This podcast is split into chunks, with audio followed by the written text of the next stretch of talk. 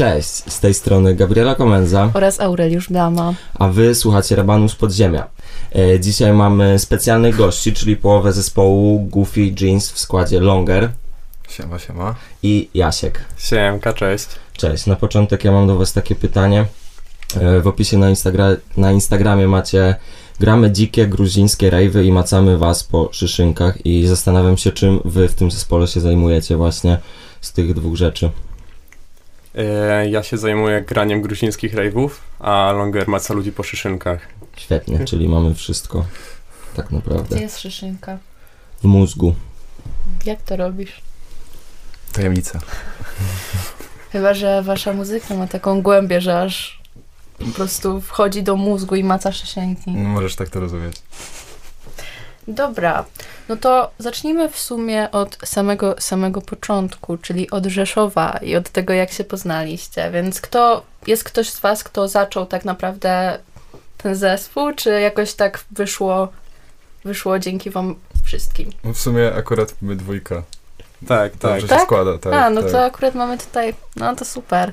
No i co, jak się zgadaliście? W szkole, czy coś takiego? Czy jakby siedzieliśmy w podobnym towarzystwie i wyszło jakoś tak, że zaczęliśmy się bardziej ze sobą trzymać. Akurat w momencie, jak mi się rozpadł mój pierwszy licealny zespół. I mi tak zaczęło brakować tego grania, a Longer, kurczę, był wymiatacz. Pamiętam, jak jeden z pierwszych razów go zobaczyłem, to było na jakimś e, piciu piątkowym na wałach rzeszowskich. I widzę, siedzi chłop z gitarą. I sobie myślę, o Jezu, będzie kolejny punk, darł mordę. I śpiewał o Jabolu przez trzy godziny. A tu kurczę, super granie było i się go jeszcze pytam po tym wszystkim, ej stary, co teraz grałeś, bo strasznie przyjemne. No, A to moje. No Wow. i wyszło na to, że, że fajnie byłoby Wyrwałeś Jaśka. granie. Tak. A, te, a też miałem dosyć swojego grania, bo robiłem taki rock'n'rollowy zespół, jeszcze jakieś inne punkowe pozostałości rzeszowskich takich pierwszych bandów i jakby spoko Mm. się to granie, ale no można iść też do przodu trochę. A jak to tam wygląda w Rzeszowie, w tym undergroundzie? Jaka tam jest muzyka głównie grana, ten punk? No, teraz chyba się to już trochę zmienia, mi się wydaje. E, ale no za naszych czasów, te, za naszych czasów, Jesus, jak to brzmi. Ale dobra, te, par, te parę lat temu, jak siedzieliśmy jeszcze bardziej w Rzeszowie niż w Krakowie, bo teraz już od, od tam paru lat obydwaj mieszkamy w Krakowie na stałe, no to tak trzy czwarte przynajmniej, no to był po prostu punk, metal, rock and roll. To też są super gatunki, co nie? Żeby nie było. Dla każdego jest coś, ale, ale chyba Trochę chcieliśmy już już. Dokładnie, no. Chcieliśmy troszkę może coś innego zagrać. Mm, a ten underground rzeszowski jak jest bardzo rozwinięty, czy no w Krakowie pewnie jest bardziej, ale jakbyś coś opowiedział może, jak to tam wygląda? Albo czy ten gatunek, który wy sobie stworzyliście, tak jak już mówiliście, to był jeden z pierwszych takich? Na pewno nie. Na pewno nie, ale ja sam nie znam zbyt dużo takich właśnie ciekawych, jakichś odstających zespołów od właśnie tej 75%. Ale na pewno coś było, nie? Ale, ale coś, żeby tak ruszyło i było jakoś mega popularne, to nic mi nie świta. No, z samego Rzeszowa, naszego hometown.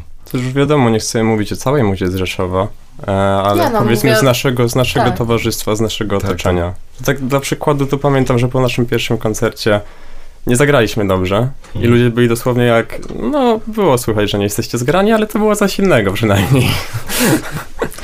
E, W takim razie wróćmy właśnie do tych początków. Zaczęło się w Rzeszowie, ale e, jak można, który rok można określić jako początek Goofy Jeans? Jako Goofy Jeans. Pamiętasz? E, no pierwsza próba, pierwsza, pierwsza to było już w 2019 pod koniec. Ale nam strasznie długo zajęło rozpędzenie się. Gdzieś wiecie, na początku były zmiany składów, ktoś odchodził, ktoś przychodził, była pandemia, to też nagle jakoś spowolniło to działanie. Więc myślę, żeby tak serio coś zacząć robić, to 2021, jak Kamil zagrał Jak Kamil pierwszy dołączył, koncert. tak. Tak. pozdrawiamy Kamila. Szkoda, że cię nie ma stary. Dobra, bo też e, jakby jak was przedstawiłem, to tak trochę żartobliwie, ale e, Longer, ty jesteś gitarzystą w zespole, a ty jesteś wokalistą, a wasi dwaj pozostali e, członkowie. Powiedzcie coś o nich, bo też warto im chyba oddać tutaj. Hold. To Bra- Brian na perkusji e, u, na, u nas zasiada. E, super perkusista w ogóle. E, akurat tutaj to można powiedzieć, że taki trochę recykling, bo to Jasiek wcześniej grał z Brianem w zespole i tak się udało, że wiecie, najciężej znaleźć perkusistę do zespołu, a tu No. miał, miałem, mieliśmy taki farcik, że akurat Brian z Jaśkiem posypał im się tam ten zespół wcześniejszy, więc dołączył od razu do nas. No sprawdzony materiał był, nie? Wiedziałem, że chłop wymiata na perce, a do tego jeszcze spoko ziomal. Więc, więc Brian zasiadł na perkusji, a Kamil ogarnia gitarkę basową. Czasem coś pośpiewa ze mną do mikrofonów. E, I studyjnie synty, syntezatory, klawisze i tak dalej. Dokładał do płytki. Aczkolwiek na żywo y, te partie wykonuje Szymek, którego można znać z kosmicznych kordasów. Też, pozdrawiamy. zaprosimy. Będą, będą.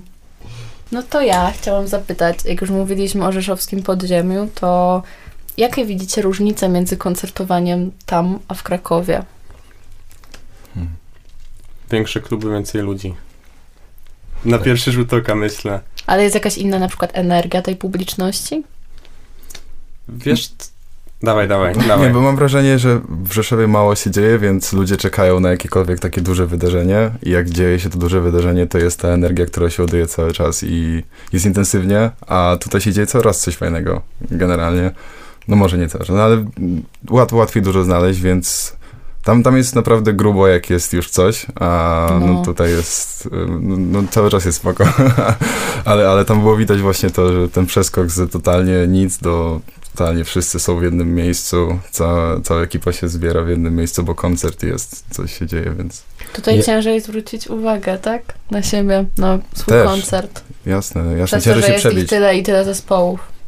No ja potwierdzam, że w Rzeszowie mało co się dzieje i, i ciężko tam o jakieś ciekawe wydarzenie. A właśnie co do waszych koncertów, bo nigdy, nigdy ja nie miałem okazji być na nich. Wiem, że ty, Gabrysia, byłaś na kilku. No, dwóch albo trzech. To już kilka. właściwie. E, To właśnie zastanawia mnie, od kiedy tak właściwie zaczęliście koncertować. E, Czy trudno wam było właśnie zacząć, żeby się, nie wiem, dobić do klubów, czy ktoś się do was odezwał i właściwie jak teraz, jak często gracie te koncerty, ile też osób się pojawia na nich i właśnie jaka tam jest energia, czy ludzie wychodzą połamani, czy... E, kurczę, my bardzo szybko zaczęliśmy koncertować. Myślę, że nasz pierwszy koncert to zagraliśmy tak z dwa miesiące po tej pierwszej, pierwszej próbie. Um, Speedrun. też kurczę, w sumie nie wiem skąd to się wzięło, ale na początku w ogóle się nie nastawialiśmy na publikowanie muzy w sieci, na SoundCloudach czy coś, tylko chcieliśmy cisnąć koncerty. Nawet nie mam pojęcia skąd to się wzięło. No i w Rzeszowie o koncerty było o tyle łatwo, że po prostu obydwaj graliśmy wcześniej w innych bandach. No i już jednak te kontakty były porobione, że tak powiedzmy, e, z bookerami klubów rzeszowskich. E, No ale tak, no problemy się pojawiły trochę, jak już chcesz gdzieś wyjechać, coś ogarnąć. No w Krakowie się zaczęło e, łatwo z tym robić, jak już to e, zasiedliśmy z Wangerem, nie? Więc była opcja pójść na koncert, pogadać, poznać ludzi. No a tak jednak, jak jesteś początkującym zespołem i to jeszcze e, z Rzeszowa, z całym szacunkiem do Rzeszowa, no to jednak mam takie wrażenie, że niestety e, częściej odpisują ludzie e, z klubów, jak im napiszesz, że jesteś zespołem krakowsko-rzeszowskim, a nie tylko rzeszowskim. Okej. To niezła y, stygmatyzacja tutaj Rzeszowa nam wyszła. Ale trudno, takie są realia. Mi się no. podobało w Rzeszowie, ale jak byłam na waszym pierwszym koncercie, to byłam serio połamana po nim. Ktoś rzucił mną o ścianę. Wyszłam z jakimiś ranami, siniakami. To jest dobra recenzja Ale podobało koncertu. mi się. Mówię, dobra recenzja No. koncertu. Nie, też zależy, wiadomo, od miejscówki, od publiki. Jak się gra w jakimś bardziej, powiedzmy, e, punkowej miejscówie, punkowym klubie i przejdzie więcej punków, no to wiadomo, że bywa grubo, co nie? Ale powiedzmy, jak gramy się w jakichś miejscówkach bardziej pod alternatywę, gdzie, gdzie może nie przychodzą same hardkory w skórach, ale troszkę bardziej zróżnicowana e, publika, no to bywa czasem może bardziej medytatywnie. Jakbyś to nazwał longer? Spokojni, nie? Jakby- szukasz słów.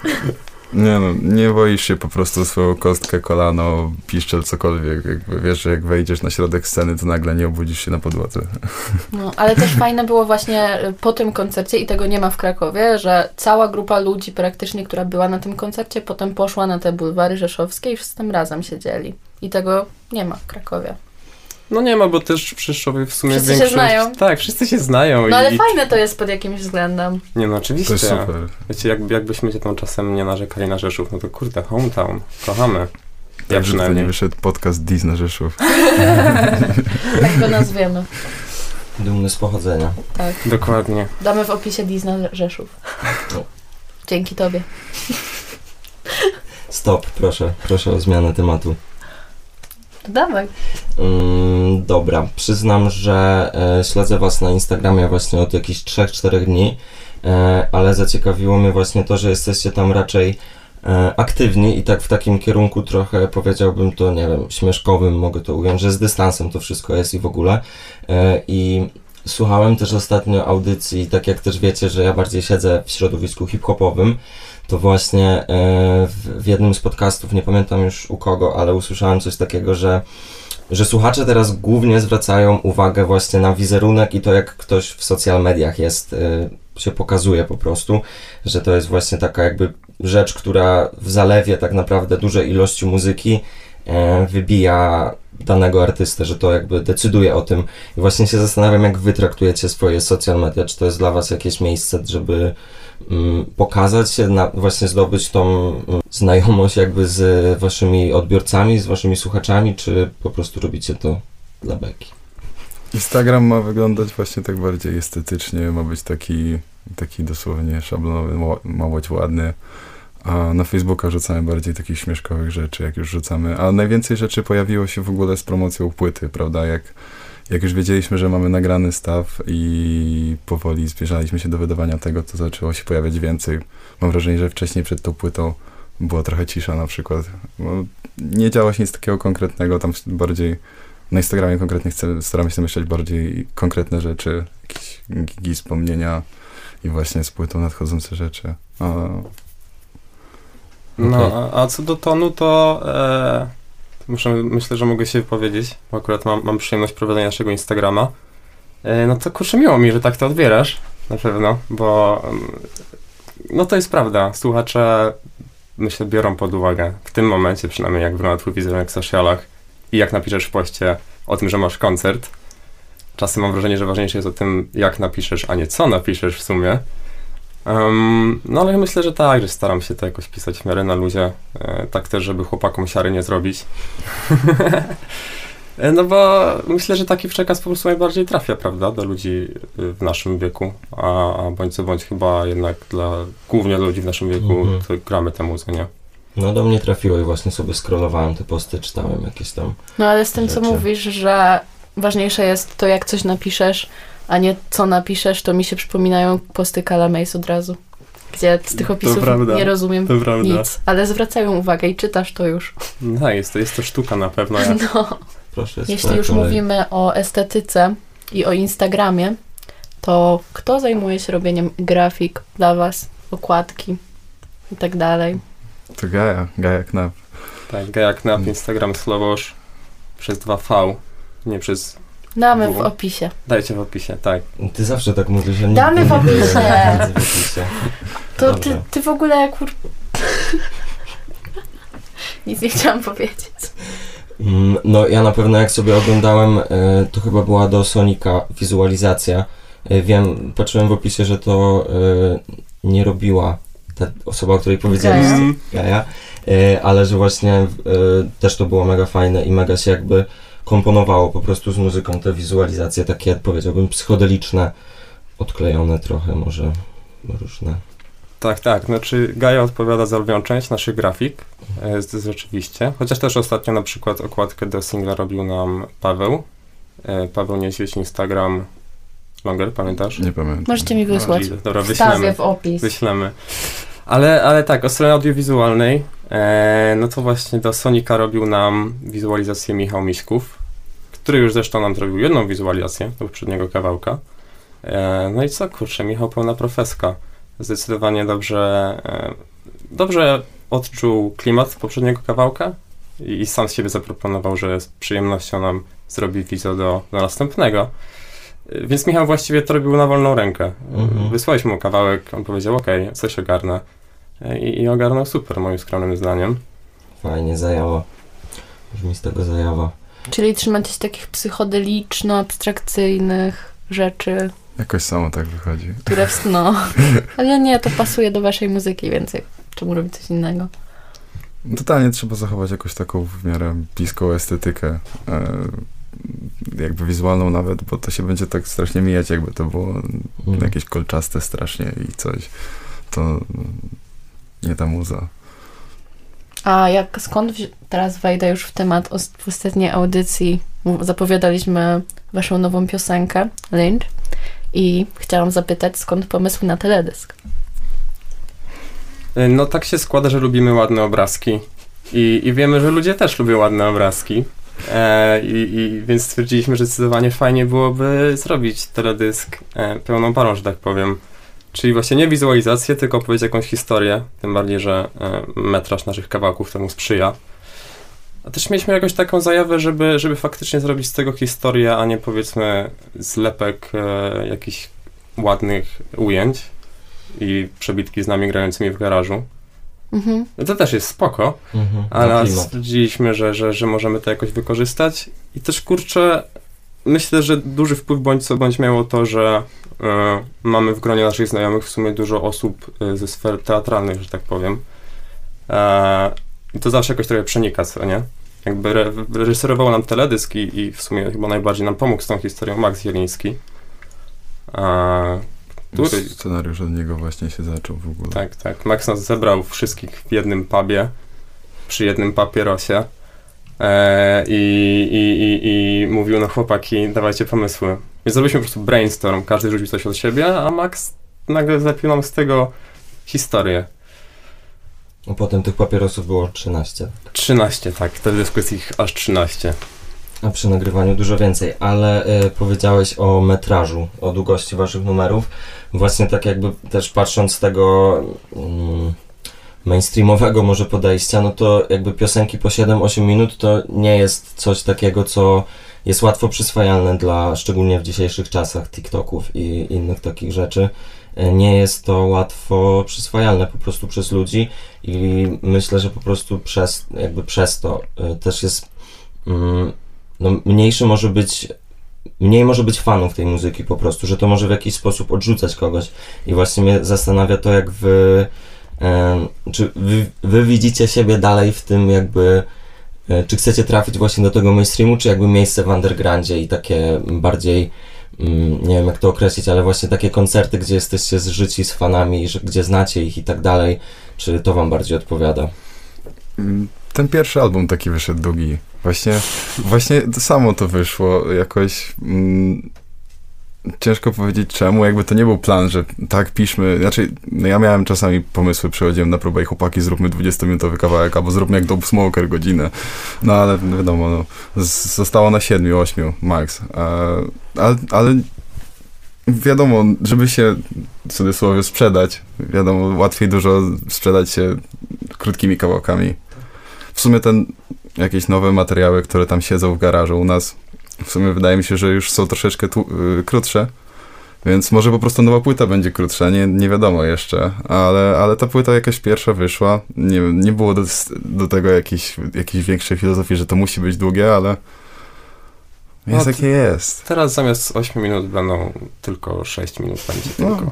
Ale w sumie jak się słucha waszej muzyki, to i tak nie wiadomo kiedy zlatuje cała piosenka, bo się wpada w taki jakiś trans. Właśnie. Mm. Ale też wracając do twojego pytania, Aureliusz, o to, czy, czy chcielibyśmy pójść gdzieś dalej, czy nie. No to ja powiem tak, że na pewno jest super, nawet jak się gra w tym undergroundzie, w tym niezalu, że to jest garstka tylko osób, która cię słucha, ale to wciąż jest garstka, co nie? Zawsze ktoś jest i, i to jest super miłe i to jest fajne. No ale nie powiem, jakby mi ktoś dał opcję się sprzedać, to ja bym się sprzedał. Szanuję szczerość. bardzo, bardzo dobrze. No wszystkie wielkie zespoły kiedyś były undergroundowe. Taka chyba jest kolej rzeczy, no. Tak. Musimy tylko zacząć robić hip-hop. To nie może być takie trudne. Come on. A nie, nie, nie dostaliście nominacji może do Hot 16 Challenge, jak było? Nie, nie, nie, niestety nie. To by była okazja chyba do, do sprawdzenia się w tym. Nie wiem, czy byśmy nie wzięli kogoś na fita, nie wiem, czy ktoś z nas się odważył. Ale nie, no nie, Boże, bo to będzie strasznie kontrowersyjne, ale ja się Dawaj. zgadzam, że robienie rapu nie wydaje się trudne. E, Nie, nie, nie, to tak szczerze mówiąc mówiłem całkiem żartem. To A też ja- jest uważam giga sztuka, jakby sam fakt tego, ile kontentu lirycznego wchodzi w No kawałek tak, tylko że zależy jaki, no jaki to rodzaj w sumie piosenek. No ale niektóre te hip-hopowe piosenki mają tyle tekstu, że powtarza się jedno zdanie w kółko. Czy to przy ty, do cichoszy? Nie, nie do cichoszy, broń Boże, mi się bardzo podoba ta piosenka. Nie, Bo w ona, w sensie, No, no, no. w sensie ona ma w sobie coś mimo to ciekawego i tak jak już wypowiadałam się w tej poprzedniej audycji, nawet nie wiadomo, y, w sensie, że ciężko się zorientować, że to jest te same cztery wersy w kółko. Ale No, co ci chodzi. no. Tak. Mm. Mam wrażenie, mam wrażenie w sumie jeszcze, e, no w sumie mają tą przyjemność ludzie, którzy zajmują się hip- hip-hopem, że siedzą mniej w studio. Ja nie jestem fanem siedzenia w studio i robienia, jakby nagrywania wszystkich instrumentów. E, to jest mega, przynajmniej dla mnie stresujące. I to tyle dobrze, że mam wrażenie, że mają trochę mniej siedzenia w studiu, tak jak my z... E, a może się, mogę, może się mylę. Oni chyba lubią siedzieć w studiu. Wszystko wiem. Wszystko wiem Nie no, żartuję. Żartuję. A jak się nagrywało ostatnio wasze piosenki? Gdzie nagrywaliście? Studio minus jeden. Studio Tak. poziom minus Studio jeden poziom nawet. minus jeden. I Tak, co? tak, tak. Polecacie? Zrobimy tutaj dodatkową reklamę. Jeśli tak. Tak nagrywaliśmy u e, Miłka Polopa Piątka, e, który nagrywał wcześniej Cal Amaze i dlatego też się dowiedzieliśmy Mhm. o tym, że Miłek prowadzi studio nagraniowe. I kurczę, trochę nam z tym zeszło. Myślę, szczególnie Longer, który na jednym kawałku miał ponad 100 śladów Mm, właśnie, tak jak mówię, nagraniowych. ja, źle- ja źle wspominam studia, nie, nie lubię siedzieć w studiach, ale no, Jasiek na przykład, śpieszyło mu się ewidentnie gdzieś, nie wiem, musiał mamę gdzieś zawieźć, bo na dwa tejki max jechał, więc ja tylko się tyle nasiedziałem, chłopaków trochę spowalniałem. Może To jakby nic. to nie było 100 tejków, to by się fajnie siedziało w tym Nie, studiu. jak, jak, jak po trzecim nie wychodzi, to już nie ma co nagrywać, to trzeba ciąć. Nie, ale generalnie bardzo, bardzo przyjemnie wspominamy. E, Myślę ogólnie experience nagrywania, nawet jeśli e, Longer się musiał trochę namęczyć, to się namęczył i dał radę koniec końców. A też w sumie było, myślę, em, co było bardzo miłe ze strony, myślę, Polopa, to to, że w pewnym momencie zaangażował się aż tak i aż tyle nam tych pomysłów podrzucał, e, że no kurczę, teraz to musimy go wpisywać do książeczki jako nie tylko realizatora, ale też producenta. A to jest bardzo dobra rzecz mieć jakiś głos z zewnątrz, co nie? A propos swojej muzy, sugestie, pomysły na zmiany i tak dalej. To się bardzo przydaje, szczególnie jak wiesz, że ktoś ogarnia to, co robi. No pewnie, trochę pewnie ułatwia sprawę. Zapraszamy Was teraz na y, przerwę muzyczną z Goofy Jeans, gdzie zaprezentują y, swój utwór. Może powiesz coś więcej, Jasiek, na jego temat? E, Jest to utwór pod tytułem Lynch. Jest to nasz e, najnowszy na ten moment singiel. Wyszedł w sobotę bodajże. I je- jest to mocno shoegaze'owe granie. Cały kawałek zaczął się od riffu, który wymyślił Longer i zaczęliśmy jakoś budować na tym resztę, e, resztę utworu. Um, dużo marzycielskich, przestrzennych gitar, dużo dziwnych efektów na syntezatorach. Troszkę się próbowałem pobawić wokalem. Chcesz coś dodać w Longer a propos Tak, muzycznej? Tak, bo ja to w ogóle chciałem robić sam, ale przyniosłem tak na próbę i chłopaki są... Znaczy, no chłopaki, patrzcie, mam tutaj riffa, będę robił jakąś nutę. I ja się, Jaśkowi się chyba, to się chyba strasznie podobało i bo się jak nie, robimy to tutaj. Znaczy nie, nie, że nie, no po prostu robimy to tutaj. I tak jakoś poszedłem za vibe'em, no jakoś mam wrażenie, że na tej próbie zrobiliśmy z pół kawałka, czy coś takiego i to już ruszyło. Jakby to jakby w ogóle nie, nie miało być goofy, ale mega się cieszę, że skończyło tutaj.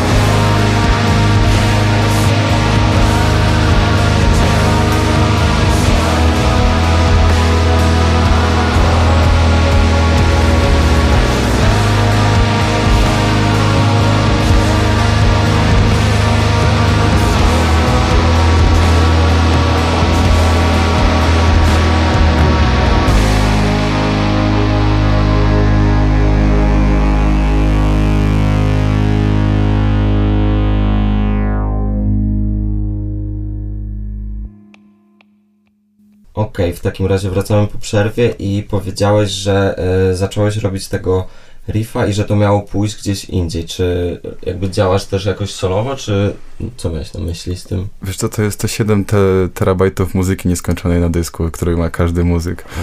E, zawsze chciałem, marzyłem, żeby wydać swoją epkę i zbierałem się do pisania takich rzeczy swoich, ale z każdą tą rzeczą najczęściej lądowałem na próbie Goofy i jakoś...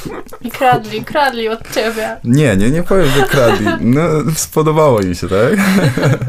nie, no nie, no nie wszystko oczywiście, nie. longer. Nie no, totalnie jestem zadowolony z tego, że to właśnie y, kończyło się tam, bo inaczej by wylądowało na tych 7 terabajtach muzyki ukrytej na dysku i nigdy więcej by nie wyszło na świat.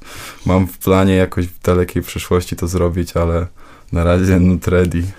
Czyli rozumiem, że też jakby wokalnie i tekstowo chciałbyś. Mm, Chciałbym. Jaki skromny, dobrze.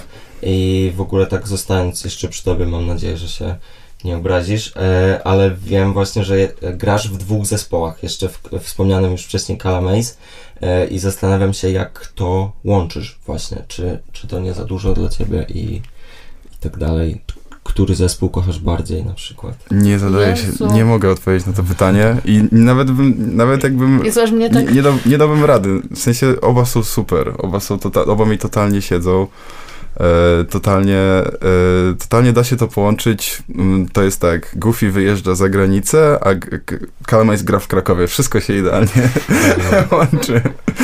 Ale nie, e, jest do zrobienia. Próbowałem z trzecim zespołem, jeszcze to to już było nie do zrobienia, Mhm. przynajmniej.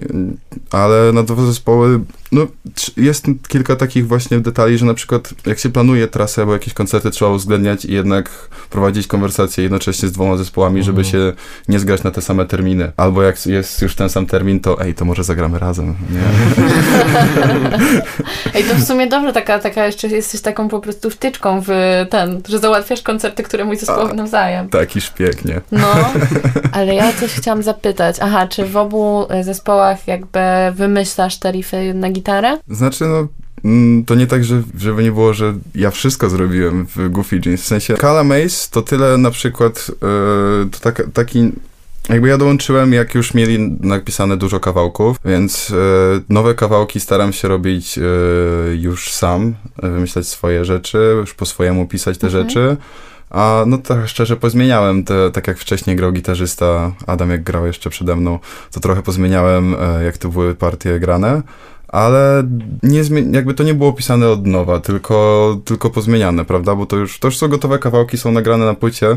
Byłoby dziwnie nagle je grać totalnie inaczej na live, jak e, kiedyś ta płyta, bo to Calamaze też mam nadzieję, że jak najszybciej uda się skończyć płytkę. To- No, ale bardziej mi chodzi o to, no bo teraz jakby nagrywasz z Calamaze y, tą płytę dalej, tak? Zresztą Tą- ona jest już nagrana. Jest cała. Tak, jest nagrana, y, wokali nie ma tylko, więc Okej. jakby Ale ja bardziej myślałam o nowych kawałkach, bo zastanawiałam Mhm. No, się, no. czy jeśli byś wymyślał jakby muzykę dla jednego i drugiego zespołu naraz, to czy by się nie skończyła ci wena po prostu, czy coś w tym stylu. jeszcze jest. Jeszcze jest Jeszcze trochę? jest, jeszcze jest. dajesz A radę. nawet, nawet ostatnio więcej. Jakoś, jakiś renesans muzyczny, nie wiem. Wow. No nie, jest, jest chyba dobry rok się szykuje, mam wrażenie. W ogóle wierzycie w coś takiego jak Vena? Według was istnieje Vena? Ja wierzę, ja chyba, wierzę. chyba musi istnieć, no bo Okej. naprawdę są takie dni, że można 10 godzin rypać na gitarze i nic nie wykwinisz fajnego. Znaczy, no nie będzie to złe, ale nie będzie ani trochę, nie Mhm. będzie huka, nie? Spoko, bo gdzieś e, to chyba bardziej przy takich twórcach, na przykład, którzy, na przykład przy pisarzach, którzy, żeby stworzyć książkę, no to oni zaczynają o 8 i, pracu- i piszą do 16 tak naprawdę, ale właśnie słyszałem kiedyś takie stwierdzenie, że wena to jest coś, co cię musi zastać, jak ty już pracujesz, że ona wtedy dopiero przychodzi, a to nie jest jakieś objawienie właśnie, ale to tak się tylko wymążam, bo usłyszałem jakiś cytat mądry kiedyś i każdemu zadaję to pytanie, kto tu przychodzi o wenę. No, z Kludo rozmawialiśmy też na ten Tak. temat. Nie, no, ale to jest ciekawa kmina i, i myślę, że na przykład jak wspomniałeś o pisarzach, to może faktycznie bardziej trzeba sobie tą wenę wykrzesywać i zmuszać się do tej weny, kiedy faktycznie musisz przysiąść na 8 godzin Mhm. i, i pisać, bo na przykład masz umowę z wydawcą i Mhm, musisz mieć tak. książkę na jakiś czas. Ale mamy po prostu takie szczęście, że jakkolwiek byśmy poważnie tego hobby nie traktowali, to to jest wciąż side hustle, nie? Eee, No i nikogo nad więc- wami nie ma w tym momencie. tak, jesteśmy swoimi własnymi szefami, całe życie tego chcieliśmy. E, No. Więc ja osobiście, jak nie mam zajawy na granie albo pisanie, to po prostu przez dwa tygodnie nie dotykam gitary i sobie robię coś innego. A, a jak mi wena wróci, to z tego korzystam. Okej, bo właśnie ty piszesz też teksty i e, może chciałbyś coś powiedzieć o swoich tekstach. Dobra, coś pozmyślam na szybko. Nie, tak śmieję się z tym zmyślaniem, bo zresztą tak jak już rozmawialiśmy przed audycją, e, rzecz jest taka z tekstami na płycie, że ja je pisałem w przestrzeni od czterech do od dwóch lat temu. I to jest całkiem sporo czasu. I, I w tamtym okresie ja na przykład nie czytałem nic poezji, ani, ani, ani tekstów innych piosenek. A tak mi się wydaje, że nie da się dobrze pisać e, nie czytając. A też nie miałem, szczerze mówiąc, wtedy zajawki za bardzo na pisanie tekstów, a ktoś to musiał robić. Więc, więc te teksty na płycie są troszkę bardziej, wydaje mi się, takim zlepkiem jakichś e, myśli, które mnie akurat dręczyły w konkretnym e, momencie i czasie i, i starałem się jakoś pozbierać do kupy, że to, by- to miało jakikolwiek sens i żebym miał jakieś słowa do wyda- wydawania z siebie dźwięków na płycie. Po prostu. No ale w sumie no, w takiej muzyce, w sensie, Boże, nie chcę, żeby to źle zabrzmiało, ale no, nie ma aż takiego znaczenia, że masz takiego oddania temu tekstowi i że się tak na tym nie skupiasz, bo to jest, jednak nie jest rap. Przede wszystkim nie jest ten wokal na froncie. No i U to nas. też. Tak w froncie, froncie, jak w takiej standardowej radiowej muzyce. Jakby tutaj u nas dużo, dużo też znaczą in, instrumenty. Więc jakby w takiej muzyce, jak masz wokal na przodzie, no to, to totalnie, totalnie to jest, tu, wiesz, główny element, więc jest ważne, co tam się dzieje. A jak dla mnie powinieneś te teksty udostępnić, nawet jeżeli ci się nie podobają, nawet jeżeli nie jesteś z nich dumny, to może znajdzie się jakaś inna dusza, która będzie siedzieć pod prysznicem i będzie sobie śpiewać. Mm. Ja nie mogę zastanawiać spojrzeć. się nad tym. Ale też e, dobre to było, co powiedziałaś, e, Gabi, o tym, że, że no bądź co bądź jednak ludzie nie zwracają aż takiej uwagi na teksty w muzyce, no przynajmniej gitarowej powiedzmy, dla, dla uproszczenia. No bo nie bez powodu to się nazywa muzyka, a nie muzyka i tekst. Jednak zazwyczaj ludzie skupiają się głównie na warstwie muzycznej, na melodii. Mnie osobiście tak długo, jak mnie, mi nie skręca kiszek z cringe'u, jak słyszę tekst, to może być o czymkolwiek. No, ale oczywiście jest, jest, jest wyjątek w postaci rapu hip-hopu, gdzie, gdzie to jest jedna z głównych warstw, jeśli nie główna, myślę. No ale też wasza Ale no muzyka... nie gramy hip-hopu właśnie, więc mam, mam łatwiej po prostu. No niestety to jest takie podejście, e, ja się z wami zgadzam, że właśnie jak to nie zalewa cringe'em, to najważniejsze, żeby dla mnie tak samo właśnie w rapie, żeby to, to brzmiało fajnie, ale jestem bardziej z takiej nowej szkoły, można powiedzieć, że, Mhm. że jakby lubię liryczne teksty i jakieś tam drugie dna, bla bla bla, ale koniec końców to najważniejsze, żeby bujało. Żeby bujało, nie? Musi banglać. Ale też wasza muzyka ma bardzo dużo warstw i ciężko jest z niej wychwycić jeszcze, zrozumieć w ogóle, co śpiewasz. No, ale to, to myślę, że to nie przeszkadza, bo tak jak mówię, e, najważniejsze dla mnie na płycie było to, jak zaśpiewam, a nie co zaśpiewam. Trochę jak z tym pisaniem na Instagramie, nie? Trochę instrumentem się stał kolejnym po prostu ten twój wokal. Mm, Taki był zamysł trochę, nie? Taki był zamysł, no. Żeby, żeby wykorzystać ten wokal jako e, równorzędną, równorzędny element całego aranżu, żeby to było na równi z gitarami, na równi z basem, a nie konkretnie na przodzie. Nie wiem, czy to do końca wyszło. Te wokale dalej są trochę na froncie, bo to są wokale. Zawsze się myślę trochę przy... Czy, czy nie? Czy właśnie nie? Czy może mi się tak wydaje? Czy się nie przebijają na Ale w przód? ogóle to są dwa typy osób i jeden typ osób zwraca uwagę tylko na muzykę i na przykład jak, jak ja czegoś słucham, to, to zwracam uwagę na ten tekst bardzo. I na przykład pytam kogoś, że ej, a podobało ci się jak ktoś zrobił to i to, albo napisał to i to w ten sposób, a ktoś mówi, że w ogóle nie słuchał tego wokalu, tylko się skupiał na muzyce. I No. więc pewnie to zależy jak ktoś słucha. A śpiewasz to potem? Śpiewasz sobie? No pewnie, No właśnie. Tak. Mam wrażenie, że, że jak Ale nie wiem, czy dałabym radę śpiewać- śpiewać po prostu goofy. Za bardzo się kiera pod To by prysznic. było ciężkie. No w sumie to pewnie skupiam się na tekście, dlatego że też sama lubię śpiewać i, i robię sobie to często ze swoją gitarką w swoim domu, w swoim pokoju, więc no pewnie dlatego zwracam uwagę na te teksty, no bo są dla mnie ważne. A dla kogoś, kto ważniejszy, dla kogo ważniejsza jest ta muzyka, no to jednak skupia się na czymś innym. Exactly, no masz jakby, u nas to akurat masz 5-6 instrumentów do wyboru, jakby częstuj się. Drogi słuchaczu, dajemy ci wybór. Najwspanialsza rzecz w muzyce. Można słuchać za każdym, ile, czekajcie, macie dwie gitary, bas i perkusję i wokal, no to można przesłuchać piosenki pięć razy, za każdym razem skupiając się na czymś innym. Jeszcze synty. A, jeszcze syn, no to sześć razy. O, Muszę się wreszcie skupić na basie, jak będę słuchał. Mamy bas? Kamil, żartujemy tylko, nie? Okrutne.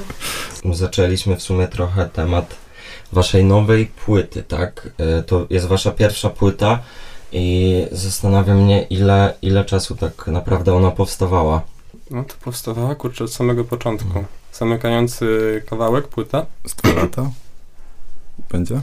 No dwa lata to jest, uważam, samego nagrywania, e, postprodukcji, miksowania i tak dalej. Ale tak naprawdę kawałki na płytę, no to pisaliśmy od samego początku, od pierwszej próby, co nie? Większość powstała całkiem szybko, tylko Mhm. potem dochodziły już.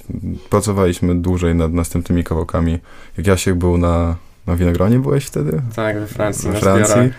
To my się uparliśmy, że zrobimy Duma wtedy właśnie. E, I siedzieliśmy nad nim strasznie długo, najdłużej z kawałków. Kilka miesięcy właśnie, nie wiem, trzy albo cztery miesiące siedzieliśmy nad tym O. kawałkiem, ale standardowo to nam dużo szybciej szło, A więc to- taki triki po prostu ten kawałek trochę. Zdecydowanie stawiacie na jakość, a nie ilość. No. Ceni w tych czasach TikToka, tak, Aureliusz? Tak, widzę, że tutaj między dwójką redaktorów wywiązała się mała batalia, ale to nic. Ja właśnie co do tej e, waszej nowej płyty, bo widziałem na Instagramie, że właśnie została ona, w sensie, że wydaliście ją fizycznie i e, właśnie zastanawiam się, kto wam w tym jakby pomógł, czy jakaś wytwórnia, czy, czy cokolwiek, ile tej, ile tak naprawdę tych sztuk wytłoczyliście i czy będzie można gdzieś ją kupić, czy to jest bardziej tak e, za, dla, dla najbliższych. No, sztuk jest 500 nakład na ten moment, więc jak najbardziej będzie się dało kupić. Myślę, że jeszcze tego do końca nie wymyśliliśmy, Mhm. ale na pewno na Bandcampie, na pewno przez Facebooka. Myślę, że jak ktoś teraz napisze na priv, to też wyślemy. Więc jak najbardziej płyta jest, jest yy, dla, dla, kogo, dla kogo kto tylko będzie chciał. A. Wiadomo, odlo- odłożone jakieś dla rodziny. Tak, dla rodziny też będą odłożone, Darmowe. dla mamy, dla babci. No a co do twojego pytania o wydawcę, to w sumie bardzo nam zależało na tym, żeby ogarnąć jakiegoś wydawcę. Mhm. Bo kurczę, przy budżecie studenckim, no to wydawanie płyty wiąże się z niedojadaniem przez miesiąc. E, ale, ale no ciężko było. Nie, nie udało nam się nikogo ogarnąć też. Konkurencja jest duża, a tych Mhm. labeli niezależnych tak naprawdę w Polsce nie ma aż tak dużo. Czyli własnym sumtem, jakby w sensie sami włożyliście w to finanse. Tak, dokładnie. Nice. Self-release pełną parą. Też godne, godne poszanowania, w sensie podziwu bardziej. Mi by się chyba nie chciało. Trzymam kciuki, że się zwróci też, chociaż nie wiem, jak, czy macie jakiś y, biznesowy plan na to. Mamy taki biznesowy plan, że jak się sprzeda jedna trzecia, to będziemy na zero, więc git. Tak, tak, tak. Zachęcamy do zakupu w takim razie. No to ja chciałabym trochę zmienić temat i zapytać o festiwal, na którym byłam w sumie i na którym graliście. Ruda. Ruda co? Ruda alert. Ruda Alert, właśnie zapomniałam. Opowiecie coś o nim? E, No to głową całego przedsięwzięcia Ruda Alert jest, tutaj wracamy ponownie do Gai Knap, która, która przygotowuje nam oprawę graficzną do większości naszych rzeczy. E, no, pomysł był taki, że była pandemia, nie było gdzie grać koncertów, 2-3 lata temu, coś takiego. E, I wpadliśmy nagle e, na pomysł z Gają i znajomymi, że może zrobimy własny koncert. E, a że akurat Gaja ma e, Hawira pod Rzeszowem w Rudej, gdzie sąsiadów jest mało, albo przynajmniej na tyle mało, żeby można było robić koncerty. Widać dwóch. Widać dwóch. To bardzo daleko, więc miejscowe jest kosmiczne. Tak. Więc, więc, więc stwierdziliśmy, że zrobimy własny gig, ogarniemy palety na scenę, ogarniemy agregat, zaprosimy znajome zespoły i zrobiliśmy granie. I to już była druga edycja, teraz Tak, w tamtym tak, roku tak. była. Pierwsza się tak spodobała, że zrobiliśmy drugą. A planujecie kolejną? W sensie nie wiem, czy w tym roku, czy w następnym, ale tak ogólnie. Official planu nie ma takiego, żebym ci powiedział, że tak, będzie. Okej, a chcielibyście? Totalnie. Mam nadzieję, że wam się też uda to. No fajnie, jakby się to rozrosło właśnie z takiego właśnie przedsięwzięcia covidowego do, do czegoś większego. Właśnie zastanawiam się, czy się nie podkopaliście tutaj, y, mówiąc o tym, czy to było To legalne. znaczy, y, było legalne, bo sprawdzaliśmy liczbę osób na imprezie masowej i zrobiliśmy tak, żeby było mniej, przynajmniej oficjalnie. Myślisz, że policja słucha naszej audycji? Myślę, że wszyscy słuchają naszej audycji. No, ale tak, no myślę, że plany na rozrost są jak najbardziej, aczkolwiek nie wiem jeszcze, czy w tym wieku. I też y, w tym wieku, Jezu, przepraszam, w tym roku, nie w tym Okej. wieku. Bo w tym wieku to już wiadomo, żeby się chciało mieć festiwal e, pokroju Openera na koncie. No ale to też pytanie, myślę, przede wszystkim nie do nas, tylko do głównej organizatorki, nie? Do Gai. Też nie, nie, nie jest do końca tylko od nas zależne. Jeszcze nie mamy kluczy. No to trzymam kciuki za y, zgodę na do, dorobienie tych kluczy. Ale jeszcze chciałam zapytać, czy wy będziecie grać na Racła y, Camp? Boże, Racła... Czekajcie, jak się nazywa ten festiwal? Racłakam. Racłakam, Tak, tak, tak. Będziemy. I Będziemy. co, jak się z tym czujecie? Bo to jest chyba taki, no, dosyć, no, w sensie, no taki większy festiwal. No Większy jak- Super, że się Alert. udało w ogóle. tak, tak, tak. Jest me- mega w ogóle okazja, że będziemy mogli tam zagrać. Przede wszystkim też nigdy nie byłem jeszcze na Rasokampie wcześniej, a z, moi znajomi mieli przyjemność wcześniej już się pojawić jeszcze zanim nie jeżdżę tylko na koncerty kolegów, tylko jeżdżę też na festiwale. Wow. Ja, nie. No i, i, i ten, i no, podjara, bo jest, jest duży przede wszystkim, a im, większe, im większa scena, im większy festiwal, to więcej stresu, ale jak się już raz będzie na tej dużej scenie, to już jest łatwiej później i tak dalej, i tak dalej. I jak, jakbyśmy nie grali na większych scenach, to jakbyśmy w końcu dostali propozycję na wielkim wielkim stadionie, to byśmy wyszli i nawet nie byli w stanie z siebie nic jęknąć, co nie, bo nie bylibyśmy nawet przygotowani. No jak Fajnie, Jak że- nie będziemy grać na dużych festiwalach, to nikt nie będzie chciał nas kupić i się nie będziemy mogli sprzedać. To trzeba brać takie oferty. I na pewno cenne doświadczenie też za tym po prostu idzie. No i nowe miejsce, jeszcze tam nie graliśmy. No co to jest w ogóle za festiwal? No Ja jak usłyszałam o tym, że będziecie, to sama pomyślałam, żeby się wybrać. A kto tam jeszcze na przykład gra? Nie wiem. To jest festiwal w Skarżysko-Kamiennej. Okej. W połowie drogi między Kielcami a Warszawą chyba? Coś takiego?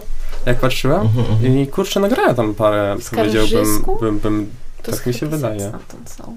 kto jest Happy tam? Set.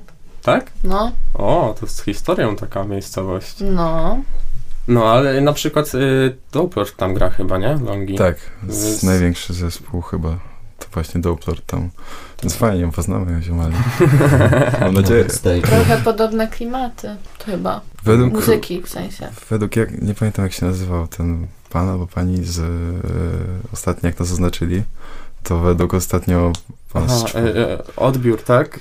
tak, E, według odbioru to gramy stonerowe. Stonerowo psychodelicznie. Tak, ale Tak. Doppler chyba jednak już troszkę bardziej e, stoner metal, nie? Ciężej troszkę jeszcze, ciężej od nas. no. U nas jest ta psychodela, ale mm, Przystępna bardziej.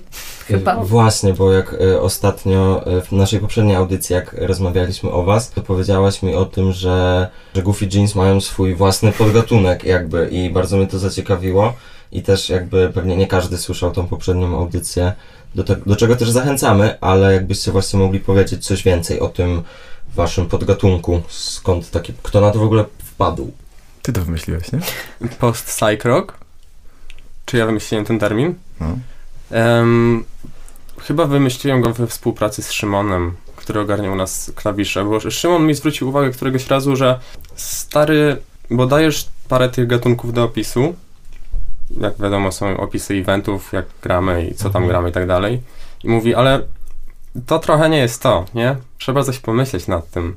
Więc wspólnymi siłami doszliśmy do pomysłu, że jest to post-psychodeliczny rok, Chyba dlatego, że, że bądź co bądź nasze inspiracje, przynajmniej na samym początku, brały się z muzyki psychodelicznej. E, Czy to byli Beatlesi, czy to był King Gizzard, and the Lizard Wizard. No ale po drodze tych, tych e, influences, wpływów i tak dalej było coraz więcej. Więc chcieliśmy urozmaicić może jakimiś innymi brzmieniami tę tą psychodeliczną formułę muzyki do, nie wiem, transu, odpłynięcia. Zgadza, zgadza Jakby minęło dużo lat, nie? Trzeba by coś nowego wrzucić po prostu do tego Psycrocka. No to w ogóle dużo nowości jest w waszej muzyce. I w sumie sam gatunek nowy wymyśliliście sobie, czy tam ustaliliście, że jest. Czekamy na naśladowców, na, na kopię. A takie pytanie, jaki jest wasz ulubiony owoc? Arbus. Totalnie. Banan. Arbuz to kontrowersyjna opinia, bo ja ogólnie też lubię bardzo arbuza, ale ludzie, niektórzy nienawidzą go, że to jest sama woda i w ogóle, ale na lato właśnie idealny według mnie. Zawsze idealny. Ale tak właśnie w zimie to chyba nie ma w sklepach zbytnio dostępnych arbuzów. Nie no, lipa trochę. No. Ciężko, być, ma- ciężko być panem arbuza, nie? Ale mango jest w zimie w sklepach. Ale jest drogie. A- Tak? A No. to nie wiem, bo na szczęście mi współlokator kupuje.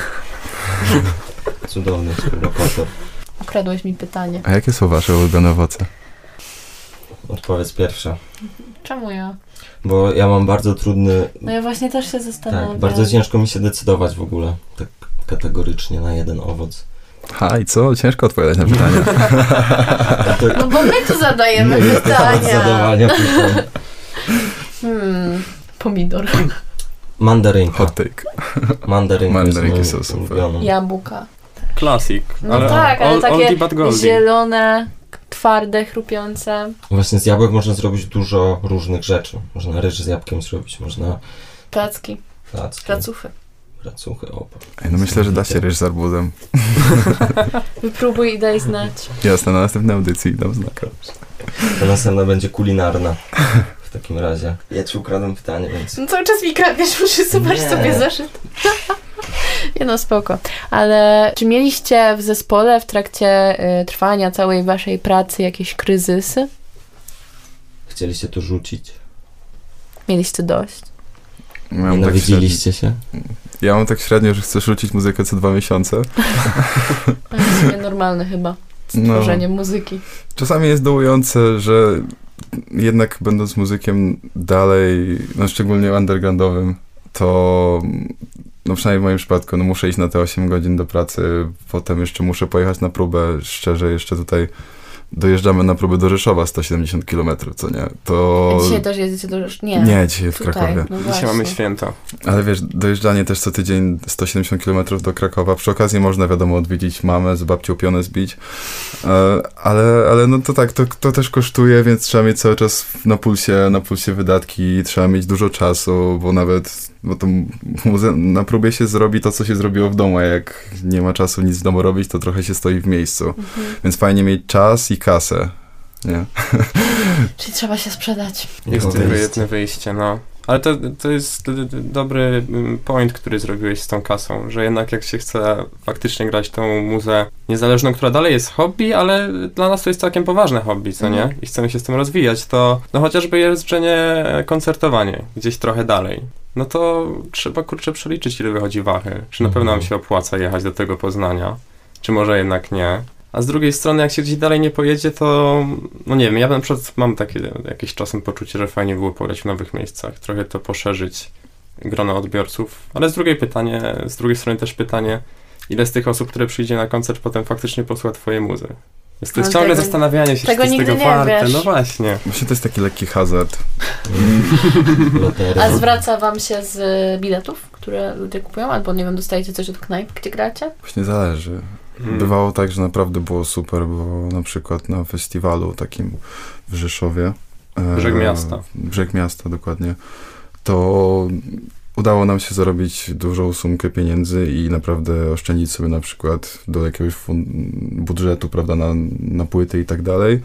A czasami jest tak, jak właśnie graliśmy w Poznaniu, no to dopłaciliśmy do benzyny ponad 3 albo 4 stówki. Jakby, po, jakby dostaliśmy jakoś tam małe pieniążki, dołożyliśmy to do benzyny, jeszcze musieliśmy dopłacić w swojej kieszeni dużo pieniędzy, więc czasami, czasami nie wyjdzie, ale jak chce się powiedzieć, że jak się nie wyjedzie od siebie z miasta, to nic się nie da zrobić, ale tutaj się pojawia Canameis, który robi Mm. Kraków Tour od dawna. Udało im się gdzieś wyjechać, ale też da się tak, prawda? Robi, zro, można też zrobić fanbase w, w miejscu, w którym się siedzi. Tutaj Kraków, można zrobić taki lokalny fanbase i wtedy też, też to działa. Ale myślę, że też no, na przykład mają dużo prościej Kalamezi przez to, że są z Krakowa, mają tu dużo No miałam znajomych. To, miałam mówić, że w Krakowie miejscówek. chyba jest jednak łatwiej niż w Rzeszowie. Tak, no, zawsze się wszystko sprowadza do tego właśnie Disa na Rzeszów. No i w Krakowie chyba częściej rzeczywiście knajpy coś dają jednak w zamian za koncert, albo właśnie da się jakoś tam mniej więcej te fundusze y, ogarnąć. W sensie, no częściej niż w Rzeszowie chyba. No, wydaje mi się, że troszkę więcej się tutaj zarabia. No większe miasto, tak samo jak więcej się zarabia w pracy w, w Krakowie, tak samo muzycy No tak. zarabiają więcej, nie? Ale też ciężej się przebić, coś za coś, nie ma Mm. nigdy samych plusów, nie? Bo Mhm. dużo ciężej się przebić, jak jest tak dużo zespołów, to żeby ktoś przyszedł, a nie przyszedł na inny dobry koncert, to trzeba naprawdę mieć co, co pokazać dobrego, prawda? I chyba w Krakowie jest więcej szans na granie z jakimiś zespołami już, w sensie na supporty, albo ktoś, no, że generalnie te zespoły przynoszą sobie nawzajem słuchacze, czy nie? Często jest tak, że sobie też, że się też po prostu ci ludzie znają, No tak. prawda? Nie, nie oszukujmy się, to, są, to nie są jeszcze koncerty na kilka tysięcy osób, że zajmuje się tym promotor i tak dalej, tylko no przede wszystkim na pewno trzeba lubić muzę. Fajnie grać koncert z zespołem, na który też chętnie ch, yy, chciał, jakby chciałbym, ja chciałbym też pójść na, ich- na ich koncert, co nie? A no, bywają takie sytuacje, że jak się gra na przykład w innym mieście, gdzie totalnie, totalnie nie, nie, nie, nie ma się nikogo, żeby się wspomóc, no to czasami trzeba wybierać nawet zespoły, które nie do końca są w twoim guście, ale no po prostu trzeba znaleźć lokalne zespoły, bo lokalni ludzie biorą, biorą, e, biorą fanów przede wszystkim, szczególnie jak się dojeżdża, jak my dojeżdżaliśmy na przykład z Rzeszowa do, do Poznania, no to nie mamy tam za wielu słuchaczy.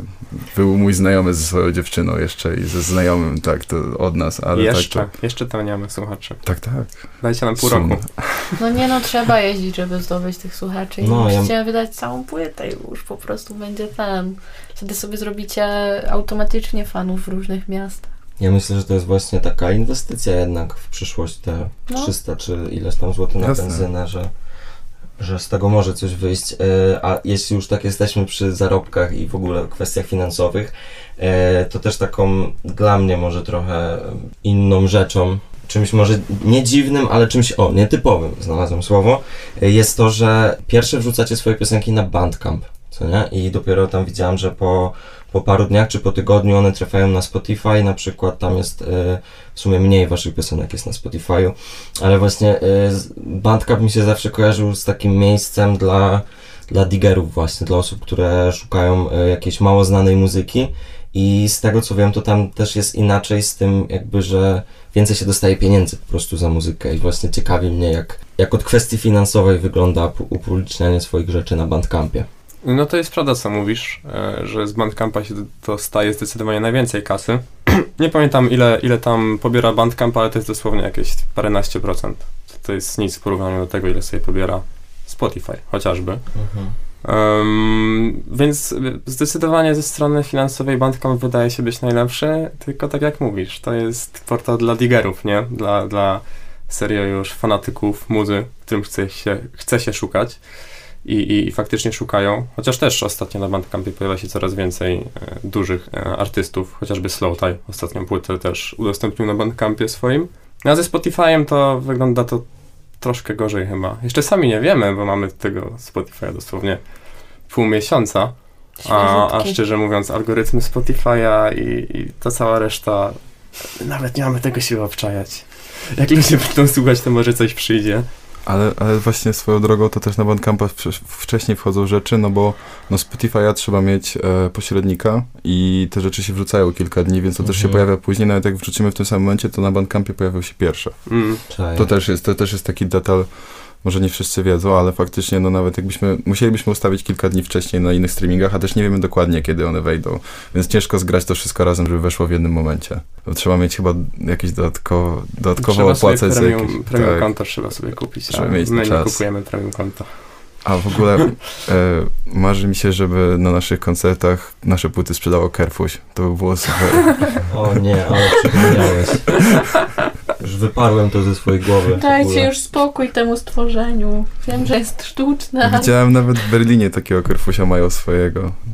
Też mają W swojego. sensie, bo naj, najlepsze jest to, że w tym, w tym jakby nie byłoby nic niepokojącego, ani złego, gdyby nie ludzie. A widziałeś Kerfusia na żywo? Jasne. Ja. Masz Jestem turbofanem. Gratuluję. W sensie spotkania, nie bycia fanem. To zabrzmiało strasznie ofensywnie. Nie no, jestem fanem, bo wiesz, próbuję ugrać, żeby sprzedawał nasze płyty. No, rozumiem. Już dogadane macie wszystkie. No jakby piszę z Carrefourem, nie odpisuję, ale myślę, że to już dobry krok. Kerfuś bierze tylko prąd, nie bierze od nas pieniędzy. Tak. Racja, racja. Jest Tak. 50% szans. Ty chcesz, oni nie. Dobra, chciałbym też, żebyście e, podzielili się tym, jak wygląda w ogóle życie podziemnego zespołu, ile w tym jest tak naprawdę samego grania, ile jest w tym, można powiedzieć, przyjemności, a ile takich rzeczy, które trzeba zrobić, żeby ktoś o was usłyszał. No niestety mam wrażenie, że tego grania to jest całe 20%, koniec końców. No bo e, tak patrząc po sobie przynajmniej, no to większość czasu na promocję zespołu to nawet nie jest granie koncertu, tylko pisanie o tym, że gramy koncert w relacji, w poście, na Facebooku, na Instagramie, wysyłanie maili o koncerty i tak dalej. E, ciężko jest, kurczę, to ogarniać bez menedżera i czasem złapać do tego wenę. Ale myślę, że warto, bo jednak jak już przychodzi do tego grania próby, nawet jak trzeba na nią dojechać półtora godziny, albo przychodzi czas grania koncertu, no to wychodzi na to, że to jest tego warte. Wisienka na torcie tych, tych starych. Nie, wisienka na torcie to jest złe określenie do tego. Zupełnie złe. Ale nie, chodzi mi o to, że potem taka ulga jest, że, że granie jest przyjemnością, a to wszystko dookoła takim, żeby ta przyjemność się mogła stać. Żeby chyba. mogła Żeby poczuć wybrzmieć. przyjemność, Mhm. trzeba poczuć e, dyskomfort. Jak to, jest, Dokładnie. jak to jest tort deserowy, to to się, zg- to się zgadza. Jakby to był tort deserowy z deserową czekoladą, to ta wisienka jest super, właśnie to jest to granie, a tort deserowy, Nie lubisz? no tam big fan. Dobrze, że dziadek nie słucha audycji. O, A czy? a nie, może posłuchać? Aha, nie. Co? Nie wiem. Czemu tak Mm. zareagowałeś? Myślałam, że umarł. No właśnie. Ty też się zastanowiłem, ale nie. Ja po prostu, ja po prostu zobaczyłam twoją reakcję. No bałem się ciągnąć ten temat, bo pomyślałem, że tak. Dziadek to się w grobie przewraca, jak mówię o tym torcie. Dobra, co jest? Dobra, wytniemy. Nie, Ale- to zostawić. Ja bym to zostawiła. Dobra, w takim razie nasza dzisiejsza audycja będzie dobiegała już końca. E, dziękujemy Wam bardzo za pojawienie się tutaj. Bardzo przyjemnie się e, rozmawiało. Poruszyliśmy dużo ciekawych tematów. E, I w takim razie zakończymy jeszcze jedną e, Waszą piosenką. Może chcielibyście coś o niej opowiedzieć? Zakończymy audycję y, utworem Rag i to jest w ogóle pierwszy utwór, który napisaliśmy kiedykolwiek na naszych pierwszych próbach. To był ten kawałek, który tworzyliśmy. Jego można już znaleźć w internetach w wersji z demówki garażowej, ale teraz puścimy e, pełnoprawną wersję z płytki, taką, która ma dobry miks i się da tego słuchać. Hmm. Czyli A, tylko tutaj możecie posłuchać przedpremierowo go. No, tak, tak jakby nie patrzeć, to jest to kinda premiera. Może czułeś taka specjalna z tą naszą audycją, cały czas jakieś premiery. Ekskluzyw. No. Zachęcamy wszystkich słuchaczy do followowania na wszystkich socjalach i obserwowania działalności Goofy Jeans oraz y, kupowania płyt. Tak jak mówiliście, gdzie można je dostać? Na priv na Facebooku, na Bandcampie, 20 maja start ze sprzedażą. Zapraszamy i, i też ślicznie Wam dziękujemy za zaproszenie. Bardzo, bardzo, bardzo się miło gadało. Od Tak. 20 maja już myślę, że na każdym koncercie będą. Po prostu będziemy je wozić ze sobą. Dodatkowy sprzęt. Fantastycznie. W takim razie byli z Wami Gabriela Komenza. I Aureliusz Dama. My też byliśmy. Goofy James też było i było super. Czekaj, dawaj. Ja powiem Goofy, ty mówisz jeans. Trzy. Goofy. Jeans. A to był Raban z Podziemian. Do usłyszenia. Siema.